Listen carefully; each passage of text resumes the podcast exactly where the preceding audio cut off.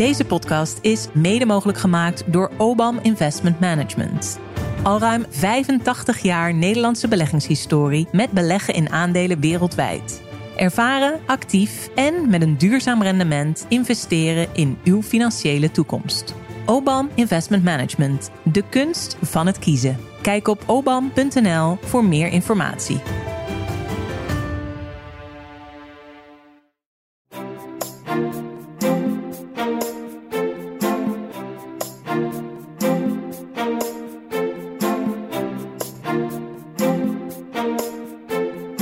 Dit is Kwestie van Centen, een podcast van de Financiële Telegraaf met Martin Visser en Robert Ophorst. Zat je klaar, Martin? Donderdagochtend half elf, laptop open, koptelefoon op, een bordje niet storen op je bureau? Uh, zeker, ja. Ja, ik zat al klaar om half zeven voor de inflatie, maar dat doe je niet op. En om half elf kwam er iets anders, wat ja. iets brisanter was dan de inflatie. Een lollige, misplaatst lollige inleiding bij een serieus onderwerp. Maar ik bedoel inderdaad het rapport van de commissie van Rijn over grensoverschrijdend gedrag bij de publieke omroep. We nemen dit op op donderdag en uh, nou, we zijn er hier al de hele dag uh, druk mee. Volg je die ontwikkelingen daarover een beetje? Ja, nou, ik moet bekennen dat ik het rapport niet uh, al van, van A tot Z heb gelezen. Maar ik volg wel de berichtgeving. Ik zag dat Matthijs van Nieuwkerk ook heel snel had gereageerd. En uh, ja, daar waar we van tevoren wisten dat het een geanonimiseerd rapport was, is het wel duidelijk dat ze onder andere op DWDD en ook bij NOS toe gaat, wel toch wel vrij expliciet in een, een apart hoofdstuk op in zijn gegaan. Um, ja, en alle verhalen die de afgelopen tijd, afgelopen jaar naar buiten zijn gekomen, wel min of meer een grote lijn natuurlijk bevestigen. En schetsen dat het beeld veel breder is. Ja. Uh, dus dat is wel behoorlijk, uh, behoorlijk ernstig. Ja, er zijn ook een aantal, uh, of een groot aantal anekdotes in beschreven. waar medewerkers dan zelf mee komen uit de praktijk. Ja, dat, dat gaat echt over verrot schelden, de grond instampen. Maar dan staan er toch ook van die dingen tussen als wil je mijn wortel zien? Dat je, Als je dat zo leest, dat je. Ja, ja. Het, we kregen hier toch ook weer iets lacherigs van. het woord wortel is al een. Uh, ja, dat is natuurlijk. Dus, ja, dat, dat, je moet ook. bedoel, niet om het goed te praten, helemaal niet. Ik bedoel, in die context is, het, is het natuurlijk een soort totaal misplaatste ja, mannelijke bravoure. en dan, zegt zoiets. Ja, ja, nou ja, je, je hebt je wel een voorstelling van dat als je nu dat zo geïsoleerd ziet, dan denk je, waar slaat het op? Maar blijkbaar kan er een situatie ontstaan, dat is een beetje mijn beeld, waarin dat blijkbaar in een bepaalde groep een soort van normaal is. Uh, en de mensen die het niet normaal vinden, die zeggen dan blijkbaar niks. Ik, nou, uh, het zal wel aan mij liggen. Um, ja, dus ik stel me daar een beetje een soort, soort, soort bravoer, macho-achtige werkcultuur bij voor. En uh, uh, ik vermoed dan weer eerder bij, bij Studio Sport misschien dan bij, bij DWDD. Maar misschien nou, ja. wel een enorm, enorm uh, voordeel voor mij. Dat zou je misschien niet al te veel illusies maken. Ik weet het ook niet precies. Nee, dat is een van de verhalen die we natuurlijk nu ja. aan het maken zijn. Wat is dan precies die cultuur waardoor dit ja. zo ja. kan ontstaan? Ja, het is wel goed dat natuurlijk echt op deze manier... Ik bedoel, en dit is niet, echt niet alleen iets van de publieke omroep. Dit komt ook veel meer werkvloer natuurlijk voor. Dat er ja, door de, deze hele beweging echt korter met hem wordt gemaakt. Met een bepaalde cultuur die we blijkbaar uh, zoveel jaar geleden nog een soort van acceptabel vonden. Uh, ook natuurlijk apart, maar goed, nu wordt er echt definitief uh, afscheid van genomen. Dat hopen we dan maar. Uh, dat, dat, ja, nee, dat, dat hopen we zeker. Maar ik denk dat het ook wel weer normstellend is, zeg maar. Tenminste, dat is natuurlijk een beetje de hoop en de verwachting. Dat en het niet alleen. Ja, en de, en de bedoeling natuurlijk. Dat je ook ziet van nu maken we ook heel expliciet van ja, we, het is al evident dat het niet oké is, maar nu, maar nu maken we het echt wel heel duidelijk en expliciet van dit is verre van oké. Okay. Um, eh, misschien dat dat helpt in, in, in, in bedrijven en andere organisaties om, om ja, dat ook eerder aan de kaak te stellen. Of als, liefst als collega's onderling ja. en anders als bedrijfsleiding. Nee, zeker. En het is in, in heel veel, zo niet alle bedrijven natuurlijk een thema, dit onderwerp. Ja. Nou, van wortels is het een kleine stap naar de volksgezondheid. Ja. Uh, want er gaapt een kloof in Nederland. We leven langer dan ooit, maar de verschillen tussen mensen zijn enorm. Wie theoretisch is opgeleid en welvarend is, leeft tot ruim acht jaar langer en 24 jaar langer in goede gezondheid dan praktisch gescholden. Die conclusie trok de Sociaal-Economische Raad, de SER, deze week in hun advies Gezond opgroeien, wonen en werken. Daarin roept de SER het komende kabinet op om snel werk te maken van het dichten van die gezondheidskloof. En dan niet zozeer met ingrepen als uh, accijnsverhogingen op tabak en alcohol, het droogleggen van sportkantines of een suikertax. Uh, maatregelen die in discussies over volksgezondheid en preventie vaak op tafel komen, maar met actie op het gebied van wonen, onderwijs, kinderopvang, werk, uitkeringen en zorg. Er is de afgelopen decennia al zoveel geprobeerd om ons gezonder te maken. Waarom zou dit dan wel zoden aan de dijk zetten? En hoe ziet de SER dit precies voor zich in de praktijk? Daar gaan we het uh, deze kwestie van centen over hebben. Laat dit nou niet alleen niet zijn van een minister van Zorg die altijd achteraf de zorg vraagt. Dan zijn mensen al ziek geworden. Nee, ook de minister van Wonen en ook de minister Ja. van Onderwijs kunnen nu iets doen. Maar u wilt dus zelfs een extra minister, heb ik begrepen. Nou, Van gezondheid. nou, ik zou het eigenlijk al heel mooi vinden als die minister van Zorg geen minister van Zorg is, maar een minister van Gezondheid wordt. Waarbij Ah, echt ja. de nadruk komt te liggen op de preventie. Hoe zorgen we ervoor dat mensen niet ziek of zieker worden? Martin, we gaan zo bellen met eh, Marieke Knoef, kroonlid van de SER, over hun advies. Misschien even heel kort vooraf, de Sociaal-Economische Raad. Wat is dat ook alweer en wat is een kroonlid? Ja, een, eh, een, eh, een sociaal-economische raad is een typisch polderorgaan. Het bestaat al, al, al, decennia. Daarin zijn vertegenwoordigd werkgevers, vakbonden en dus onafhankelijke kroonleden. Dat betekent dat zijn leden benoemd door de kroon. Dus die zijn onafhankelijk en in heel veel gevallen zijn dat eh, wetenschappers en hoogleraren. Zo ook eh, Marieke Knoef, die ik eh, vooral kende als pensioenexpert, maar nu ook binnen de SHARE met allerlei andere thema's zich, zich be- bezighoudt. Ehm, dus dat zijn kroonleden. En de SHARE heeft in de afgelopen, afgelopen jaren is een beetje op en neer gegaan met de impact en de invloed van de SHARE. Tegenwoordig is Kim Putters, voorzitter van, van de SHARE, iemand die zeer invloedrijk was in zijn periode bij het Sociaal Cultureel Planbureau. Ik denk dat de SHARE hoopt dat ze via hem ook weer goede politieke ingangen hebben, zodat dit oude polderorgaan eh, er weer echt toe doet. Mevrouw Knoef, ontzettend fijn dat u bij ons in de podcast bent. Dank u wel daarvoor. Ja, graag gedaan. Het eh, komende kabinet moet snel werk maken van gezondheidsbevordering en het verkleinen van de sociaal-economische gezondheidsverschillen. Die klemmende oproep deden jullie namens de SER deze week in het advies Gezond opgroeien, wonen en werken. Maak dringend meer werk van gezondheid als onderdeel van bestaanszekerheid, zeggen jullie. Over hoe dat dan moet, daar komen we zo over te spreken, maar toch eerst even over de ernst van de situatie. Want hoe groot is die gezondheidskloof dan in Nederland? Eh, ja, die is eh, groot. Eh, ik schrik er elke keer weer van als ik de cijfers zie. Dus kijken we bijvoorbeeld naar de 20% eh, meest welvarende mensen en de 20% minst welvarende mensen. En dat is een combinatie van inkomens en vermogens. Eh, dan eh, leeft ehm, de 20% meest welvarende mensen leven 24 jaar langer in goede gezondheid. En, en, en gemiddeld ruim acht jaar langer eh, in het algemeen. Dus dat is, dat is aanzienlijk. Ja, en dat neemt ook toe, die kloof. Eh, dat klopt. Eigenlijk eh, is er al, eh, nou, wordt er al heel lang over deze kloof gesproken. Dus ik heb ook rapporten van de WRA gezien, nog, nog voordat ik geboren was. Ehm, maar toch zien we, ondanks alle rapporten die erover verschenen zijn, dat de kloof niet kleiner is geworden en, en soms zelfs een beetje groter. Mhm. Maar er is de afgelopen decennia ook al heel veel geprobeerd. Minder roken, minder alcoholgebruik, eh, minder obesitas. Dat was kort samengevat ook het doel hè, van het Nationaal Preventieakkoord. Dat een eh, groot aantal maatschappelijke organisaties in 2018 sloot met het toenmalig kabinet. Eh, Heeft het dan allemaal onvoldoende geholpen en hadden we de prioriteiten niet op orde? Waar komt dat door? Eh, nou, het goede nieuws is wel dat de gezondheid van hè, ons mensen in het algemeen eh, toegenomen is. Dus het is niet allemaal eh, verkeerd. Ehm, dus we zijn in, gemiddeld gezien gezonder geworden. Nou, we leven natuurlijk ook met z'n allen gemiddeld stukken langer. Dus in die zin is er ook heel veel goed nieuws. Eh, maar inderdaad, die kloof is niet kleiner geworden. En we zien dat er veel ingezet is op, eh, op individueel gedrag. Hè? Dus eh, meer bewegen, sporten, beter eten in de zin van eetpatronen en obesitas verminderen. Mhm. Maar dat is veel gericht geweest op het individu. Ja, maar dat, Ehm, dat en- was niet verstandig om dat te doen. Eh, nou, ik zeg niet dat dat niet verstandig is. In die zin is eh, nou, eh, lifestyle, eetgedrag, sporten heeft natuurlijk zeker een, een belangrijke invloed op de gezondheid van mensen. Maar we zeggen nu, hè, dus nou, dit, dit advies is vanuit ook de sociale partners, werkgevers, werknemers, kroonleden. zeggen we, ehm, eh, ja, het moet ook over een andere boeg nu. In de zin van als we die kloof willen verkleinen, Mhm. Eh, dat er ook eh, ja, aandacht moet zijn voor het systeem. In die zin, eh, nou, er wordt vaak als we over gezondheid nadenken, natuurlijk aan de gezondheidszorg gedacht. Maar juist ook beleid op het gebied van arbeidsmarkt, sociale zekerheid, onderwijs, leefomgeving. eh, zijn heel belangrijk ook voor, voor de gezondheid van mensen. Nou, als, nog als we dan, dat, dat gaan we straks zeker op door. Maar toch nog heel even naar de, naar de analyse. Jullie schrijven ook ja, ja, over wat er niet gelukt is aan beleid. Vrij beknopt. Eh, verwijzen ook naar de andere onderzoeken die er zijn gedaan. Dus je hoeft het wiel niet opnieuw uit te vinden. Maar een van de dingen die me opviel is dat jullie constateren ja, de, de, de, het overheidsbeleid om gezond, gezond leven te bevorderen Ja, heeft eigenlijk weinig aan de zoden aan de dijk gezet. En als het al hielp, hielp het vooral mensen aan de bovenkant, bovenaan de maatschappelijke ladder, zoals jullie dat schrijven.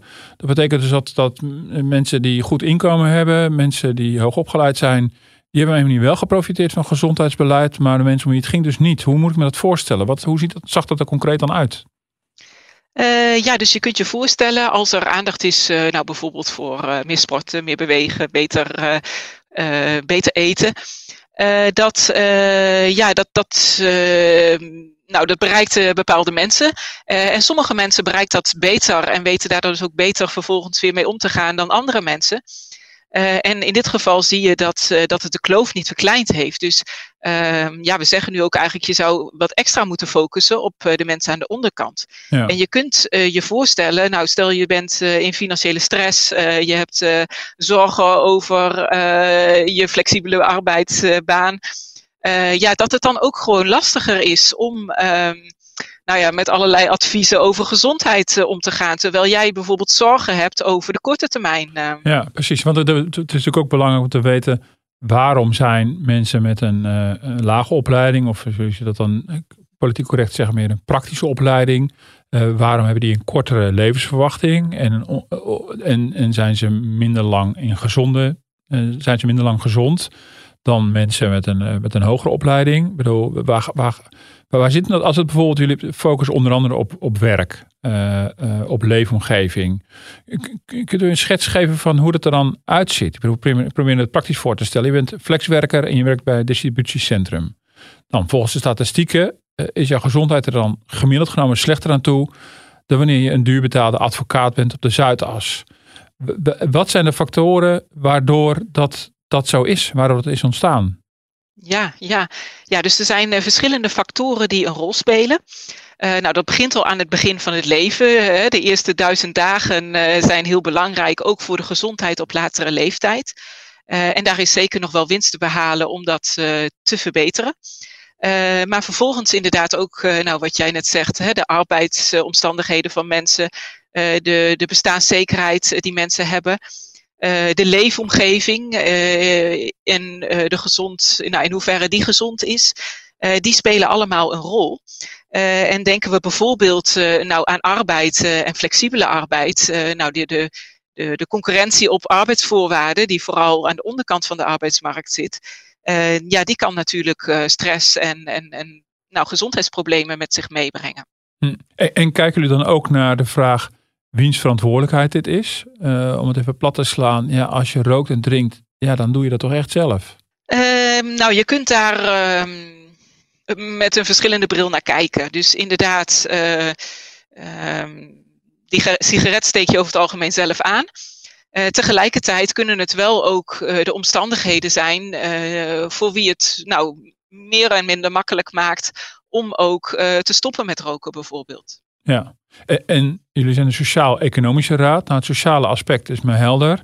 Waarom is dit ook een economisch thema? De werkgevers zaten hier ook aan tafel. Die vinden hier blijkbaar ook wat van. Uh, dat klopt, ja. Dus, dus enerzijds, uh, nou die grote verschillen die er zijn, uh, ja, die zijn natuurlijk in de eerste plaats nou, problematisch voor de mensen die het betreft. maar ook breder gezien voor de maatschappij als geheel. In die zin, nou denk aan de vergrijzende samenleving waar we in, in wonen. Um, ja, dan is ook die arbeidsproductiviteit bijvoorbeeld erg belangrijk van mensen. Hm. Het is belangrijk dat we uh, nou gezond ouder worden, zodat we misschien ook wat langer actief kunnen blijven op de arbeidsmarkt. Um, nou, ook vanuit dat perspectief um, is het belangrijk, uh, is de gezondheid van mensen belangrijk. Mm -hmm. ja. Dus het is onderaan de streep ook gewoon een kostenkwestie. Um, dat mag je best zeggen. Of in ieder geval, het, levert, het levert ook ons als samenleving veel op als mensen gezonder zijn. Zeker, ja. Ik denk, nou, we hebben het natuurlijk graag uh, over brede welvaart. Uh, brede welvaart heeft enerzijds uh, nou, ook met uh, inkomen te maken. Uh, maar ook juist met zaken zoals gezondheid, die echt een, ja. een belangrijke invloed hebben op hm. het ja. welzijn van mensen. Die, die, die term brede welvaart lijkt me niet helemaal toevallig gekozen. Want het is inderdaad, het advies, het advies is een oproep aan een toekomstig kabinet. Nou zitten er een aantal partijen nu te formeren, vier. Waarvan uh, in ieder geval één uh, bestaanszekerheid als belangrijk verkiezingsthema had. Lijkt me geen toeval. Nee, dat is geen toeval. Bestaanszekerheid zie je dat nou, een belangrijk thema was ook in de verkiezingen. Um, nou, dat heeft natuurlijk meerdere oorzaken gehad. Hè. Denk uh, aan de inflatie, al dat soort dingen, waardoor ook mensen zorgen hadden. ik denk dat dat ook mede een rol gespeeld heeft. Mm -hmm. uh, maar uh, ja, voor wat betreft de gezondheid en de gezondheidskloof is het ook een, een, belangrijk element. Ja, jullie vestigen dan de aandacht op maatregelen op het gebied van wonen, onderwijs, kinderopvang, werk, uitkeringen en zorg. Het, het is, nog, het is heel veel. En de SER adviseert dan om bij alle nieuwe overheidsplannen voortaan ook te kijken naar de impact die dat plan heeft op het gebied van gezondheid en ook op die, op die onderdelen. Maar het lijkt me wel lastig te toetsen en te normeren. Uh, dat klopt. Uh, het, uh, nou, het was natuurlijk makkelijker geweest als je gewoon een één knop kon draaien. Mm-hmm. denk aan het verleden, toen het, toen het riool in het leven kwam. toen werden we allemaal opeens veel gezonder. En nou, dat is, we hebben wel eens gezegd aan het begin van het traject: Goh, wat zou nou het nieuwe riool zijn? Uh, maar ja, we kwamen toch eigenlijk tot de conclusie dat het niet zo makkelijk meer is. Hè? Dat het juist het samenspel van, uh, dat verschillende, van die be verschillende beleidsterreinen, dat, dat dat samenspel belangrijk is. Ja, wat jullie zeggen bijvoorbeeld niet van voer een suikertax in. Uh, klopt. Ja, inderdaad. Nou, dat zou ook wat meer weer op dat individuele gedrag te daarmee te maken hebben. We doen wel een aantal aanbevelingen van goh, hoe kun je dan dat beleid beter met, bij elkaar laten aansluiten. Mm -hmm. hè? Dus uh, een van de adviezen is bijvoorbeeld, nou denk aan een, uh, een minister van Gezondheid. Uh, dus niet een minister van Zorg, maar een minister van Gezondheid die de verantwoordelijkheid heeft om die hm. beleidsterreinen, nou om ja, verantwoordelijkheid is over die interactie van die beleidsterreinen. Ja, maar dan hadden we bijvoorbeeld nu een minister van, van Wonen. Um, die zich met hart en ziel op de wooncrisis heeft gestort. En dat heeft ook niet echt zo aan de dijk gezet. Dus dat is um, natuurlijk ook geen panacee. Nee, het gaat niet vanzelf goed. Eh, dat, uh, dat uh, was het maar zo, zou ja. ik willen zeggen. Maar, maar, maar ik kan me wel voorstellen een combinatie der dingen. Dus mhm. neem een minister van Gezondheid. Neem het feit dat je um, nou, bij doorrekeningen van beleid niet alleen... nou, wat ik bijvoorbeeld zie bij de arbeidsmarkt, hè, als het gaat om reïntegratie van mensen bijvoorbeeld, ja, kijken we toch vaak vooral en alleen naar de arbeidsmarktuitkomsten. En dat je bij al dat soort dingen ook naar de gezondheid, als je dat meeweegt en, en de neveneffecten um, in beschouwing neemt, uh, ja, ja dat, dat soort dingen kunnen wel met elkaar helpen. Maar ja, we hebben toch met staatssecretaris Van Ooyen van Volksgezondheid toch een beetje zo iemand. En die heeft moeten concluderen dat het preventieakkoord bijvoorbeeld niet echt geslaagd is. Ik bedoel, dit, dat is hardcore dit advies zou je zeggen. Um, hardcore dit advies. Nou ja, in die zin, bedoel, qua thematiek. Ik bedoel, preventieakkoord is, is bedoeld om op een manier gezond gedrag te stimuleren en ongezond gedrag, gedrag uh, af te straffen, zo je wilt. Uh, dit is iemand die volgens mij, uh, geen minister, wel een staatssecretaris, echt naar gezondheid kijkt. Um, ja, ik probeer dat ook gewoon praktisch voor te stellen. Dan heb je straks een minister van Gezondheid. Er is al zoveel geprobeerd. Um, ja, die, die, die, dat ei van Columbus van de introductie van de riolering van destijds, dat is er dan niet. Maar eh, je moet toch wel iets hebben om, om mee te gaan werken. Ik probeer te voor te stellen wat zo'n nieuwe minister van Gezondheid dan anders kan gaan doen dan staatssecretaris van Ooyen heeft geprobeerd. Ja, ja. Uh, nou, ik zie zeker dat er uh, aandacht is voor dit thema. Dus dat, is, dat is ook heel goed. Um, maar je ziet toch nog wel veel de kokers hè, van de ministeries waar vooral binnen het ministerie uh, nou, de verantwoordelijkheid gevoeld wordt um, en de acties gaande zijn en niet zozeer uh, de interactie uh, daartussen. Dus dat is denk ik belangrijk.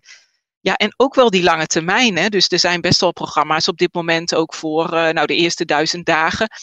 Um, maar over het algemeen geldt dat, zijn dat toch zeg maar nou, tijdelijke programma's. onduidelijkheid hoe dat dan in de toekomst verder gaat. Um, terwijl je misschien eigenlijk moet zeggen, en dat is natuurlijk politiek best wel lastig, omdat uh, ja, als je nu iets doet uh, op jonge leeftijd, dan, dan zie je de effecten pas uh, jaren later. maar om toch dat ja, de moed te hebben en dat, dat wel te doen. Ja, ja en, dan, en, en vandaar ook dat, dat dingen geïsoleerd als een suikertax niet per se bovenaan jullie lijstje staat. Omdat het gewoon een losse geïsoleerde maatregel is. Dat klopt, ja. ja. En dat bijvoorbeeld ook, kijk, moet ik denken, we hebben natuurlijk accijns op tabak, we hebben accijns op alcohol. Is aangetoond dat dat enig zin heeft in, in, in dit verband? Heeft het, heeft het zin om mensen gezonder te maken? Uh, nou, het is in ieder geval niet een van onze aanbevelingen. Daarmee wil ik niet zeggen dat het, uh, dat het niet zinvol zou zijn. Maar uh, ik, nou, ik ken daar op dit moment geen evaluatie zo van. Dus dat zou verder uitgezocht moeten worden. Nee, precies. Maar het is, het is wel een nuttige bijdrage aan een schatkist, maar niet per se wel, welvaart en gezondheidsverhogend, voor zover we nu kunnen overzien. Uh, dat durf ik zo niet te zeggen, nee. nee. Nou, in ieder geval bleek eerder Ik ben natuurlijk wetenschapper, hè, dus je moet uh, zonder, zonder bewijs, vind ik, eh, durf ik, uh, nee, dat, dat, nee, houd ik mij een beetje stil. Nee, begrijp ik. Maar goed, het is, het, het is al veelzeggend dat het niet het type maatregel is die jullie boven het lijstje hebben staan. Maar dan kom je dus wel in een veel moeilijker terrein terecht. Namelijk een, een minister van Wonen moet bij zijn woningbouwambities op een manier gezondheid ook gaan meenemen in zijn afwegingen.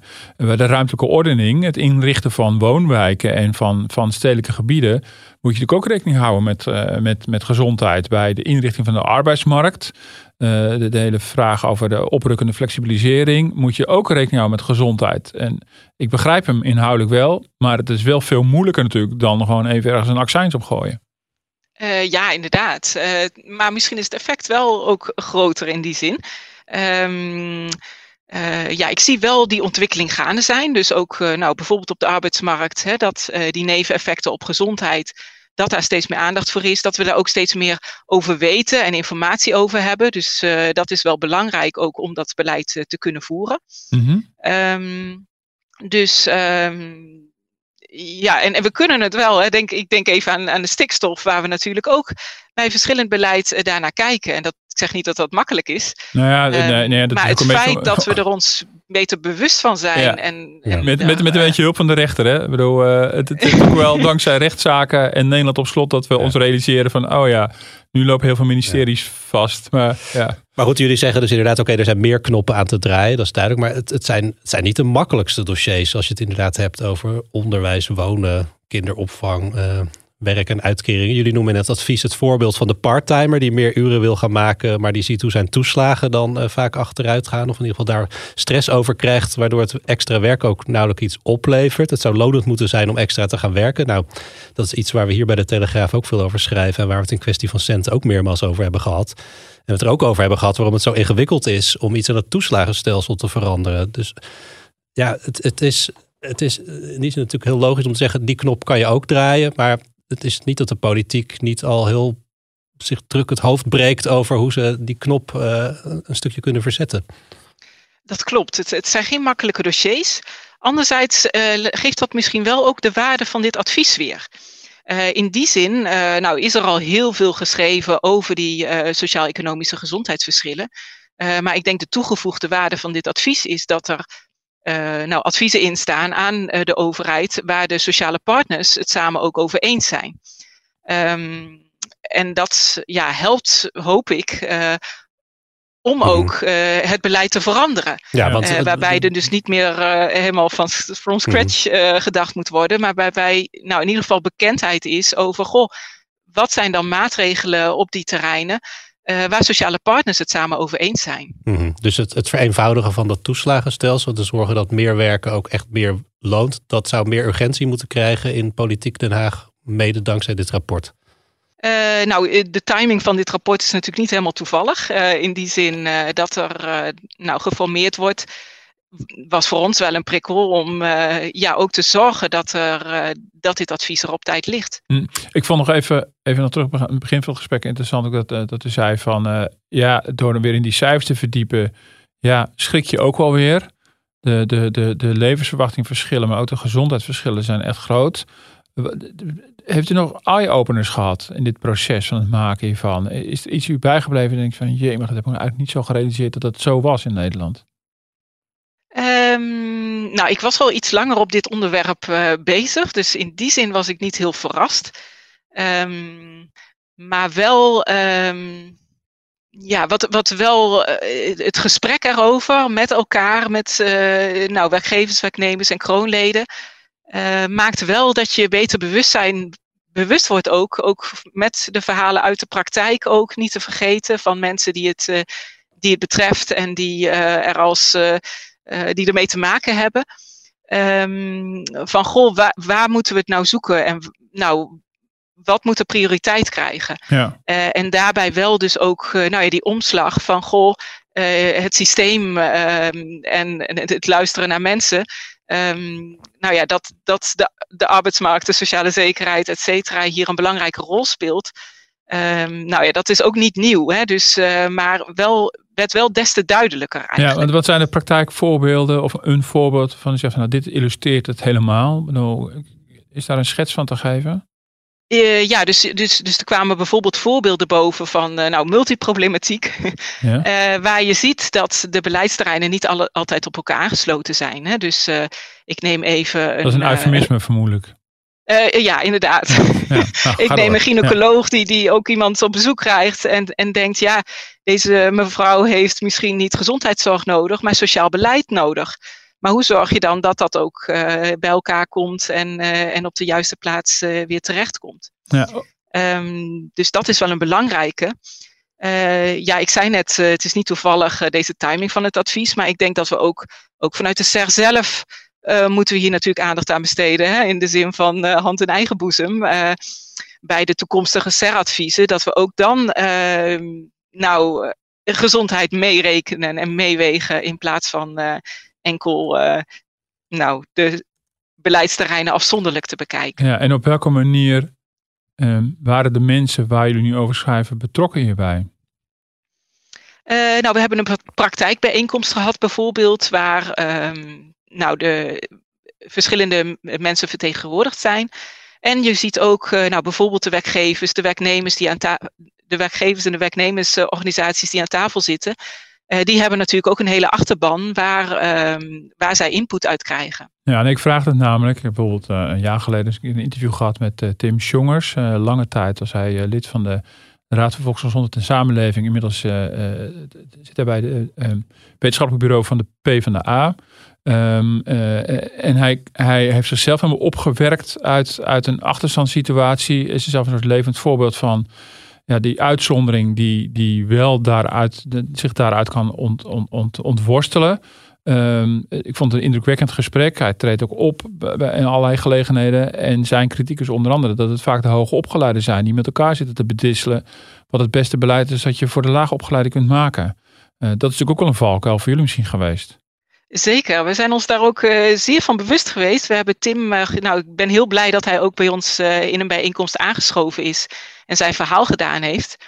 in mijn herinnering was dat de tweede bijeenkomst dat we met nou, de geledingen bij elkaar kwamen. Dus dat heeft ja, direct wel grote indruk gemaakt, ook voor de rest van het traject. Ja, ja. Dus daar ben ik hem zeer dankbaar voor. Ja, uh, ik weet één ding wat me heel bijgebleven is, is dat hij vertelde, hè, de, de relaties uh, die op, op jonge leeftijd, uh, nou ja, als er financiële stress is, of anders, ander, anderszins problemen, en de relaties nou, worden niet, nou, zijn niet zoals ze zouden moeten zijn, dat dat ook zo'n grote impact heeft op de rest van het leven. Ja, ja. Dus in die zin is ook wel, zijn die ervaringen echt wel betrokken. En misschien wat ik ook nog afvraag, benadrukt ook sociale partners zijn hierbij betrokken.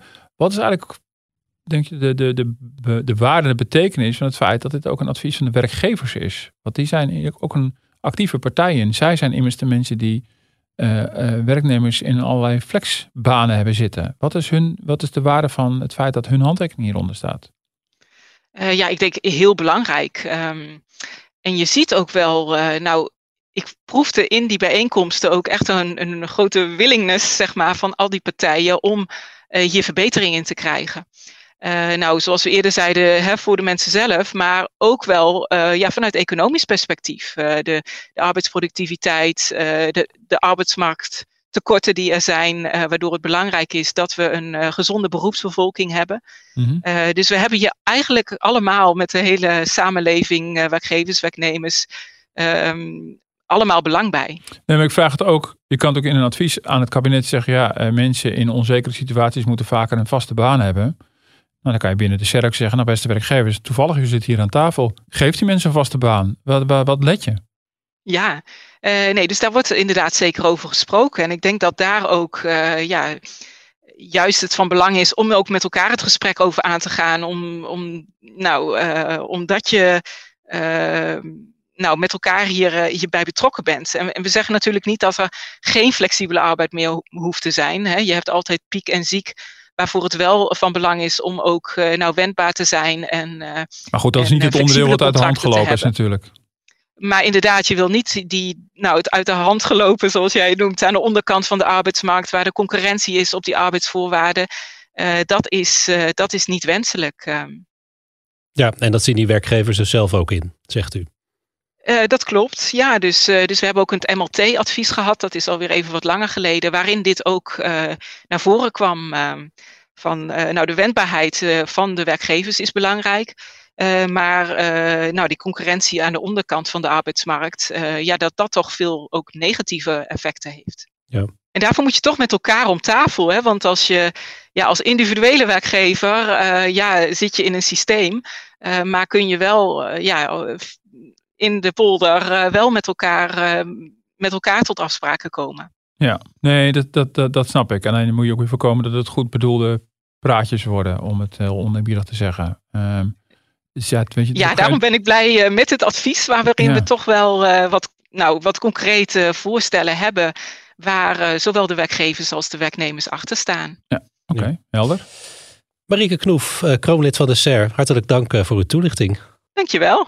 Ja, Marten, we gaan zo nog even inzoomen op, uh, op, op één onderdeel uh, waar jij het nog graag wat langer over wil hebben. Maar ja. jij sprak vorig jaar met bestuurskundige Paul Frisse, ook over volksgezondheid. Ja. En Frisse was op, was op zijn zachtst gezegd kritisch uh, op veel van de overheidsmaatregelen om ons minder nog, te laten roken en drinken. Nou, ik was liberaal, kan me natuurlijk helemaal vinden in die kruistocht tegen dwang en drang. Maar hij zei destijds tegen jou over dat soort maatregelen. En dan hebben we het inderdaad over suikertaxen en uh, tabaksaccijns en misschien wel ver, verboden in de sportkantines. Er zit een heel specifiek beeld achter, zei Frisse, van wat gezondheid is. Hoe je je moet gedragen, wat je moet eten, dat je regelmatig aan sport moet doen.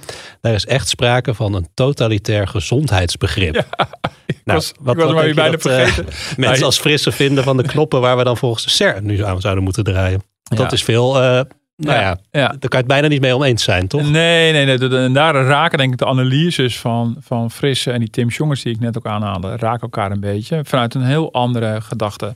Fris is natuurlijk ook gewoon heel principieel en een liber, liberaal gedachtegoed. Uh, uh, en ook een verwondering over hoe er vanuit de Ivoren Toren door doorsnee D66-ambtenaren zijn, zijn, zijn woorden uh, allerlei goed bedoeld beleid over ons wordt uitgestort. En in zekere zin zegt Tim Jongers dat ook, maar dan vanuit de ervaring in de praktijk. Hij haalt dan steeds aan uh, goed bedoelde adviezen van, uh, van moeders op scholen die kinderen manen om vooral broccoli te eten. Dat is bijvoorbeeld steeds gebruikt.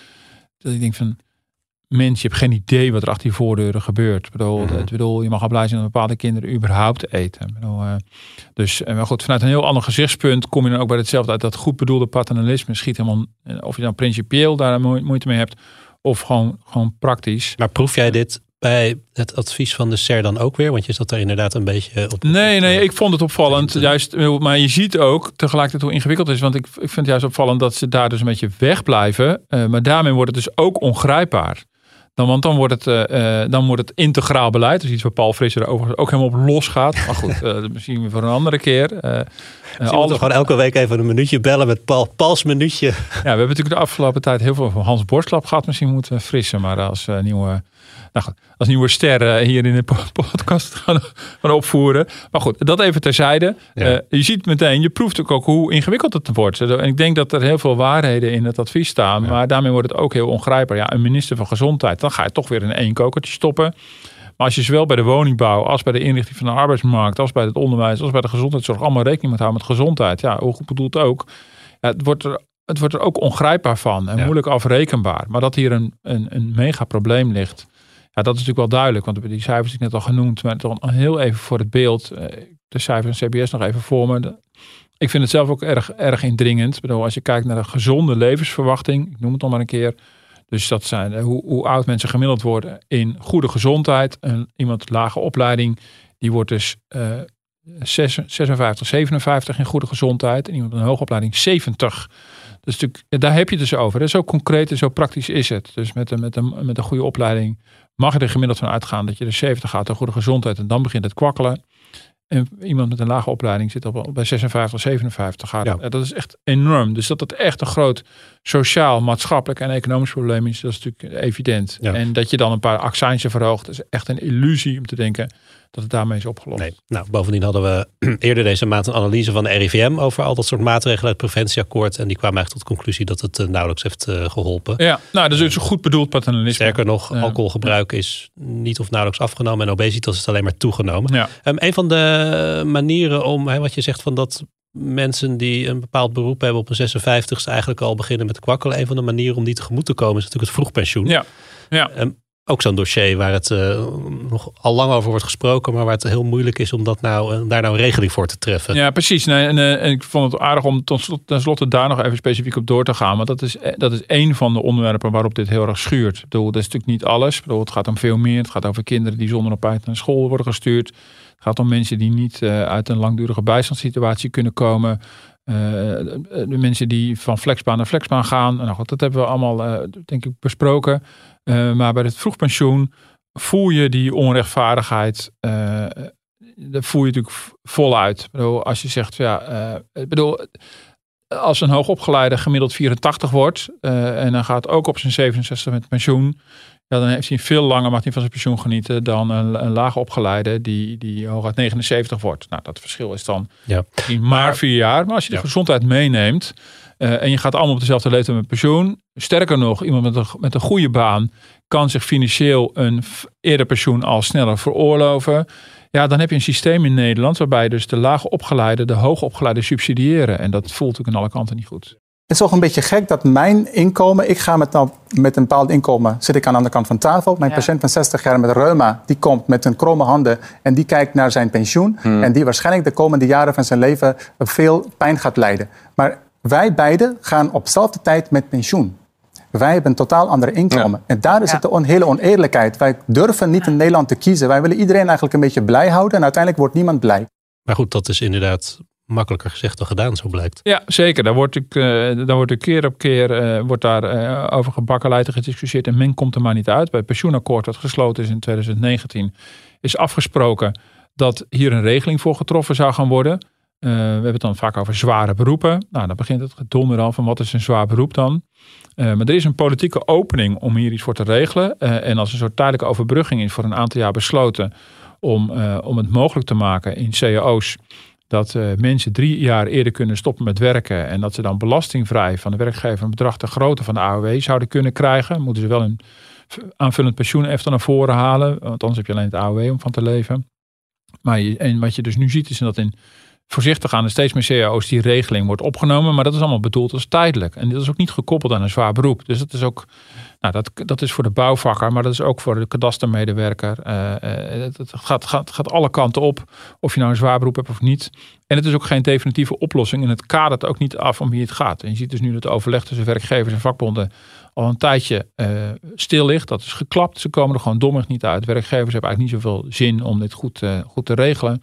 Uh, en, en, vakbonden willen eigenlijk die tijdelijke regeling uh, permanent maken en uitbreiden. Dus die, die sorteren voor op een soort nieuwe fut als je niet uitkijkt. Ja, uh, nou, dat is natuurlijk wel heel treurig, want de mensen die het betreft, die, die hebben een beetje het nakijken. Ja, en ondertussen wordt die kloof alleen maar groter. Precies, dus, ja. Dus, en, en het hangt van jouw specifieke CHO af of er iets voor jou geregeld is. Het hangt van die regelingen af of het voor jou toegankelijk is. Ook hier geldt dat iemand met een goed betaalde baan makkelijker drie jaar eerder kan stoppen dan iemand met een laagbetaalde baan. Want ja, je, moet, je, je, kan dan van de werkgever boetevrij een bedrag te grootte van de AOW krijgen. Dan moet die werkgever A daar wel toe bereid zijn. En vervolgens, om, ja, om een redelijk percentage van je huidige inkomen te behouden, moet je je pensioen naar voren trekken. Nou, als je je, aanvullende pensioen 1, 2 of 3 jaar naar voren trekt, dan gaat dat bedrag per maand echt fors omlaag. Zeker als je drie jaar naar voren trekt.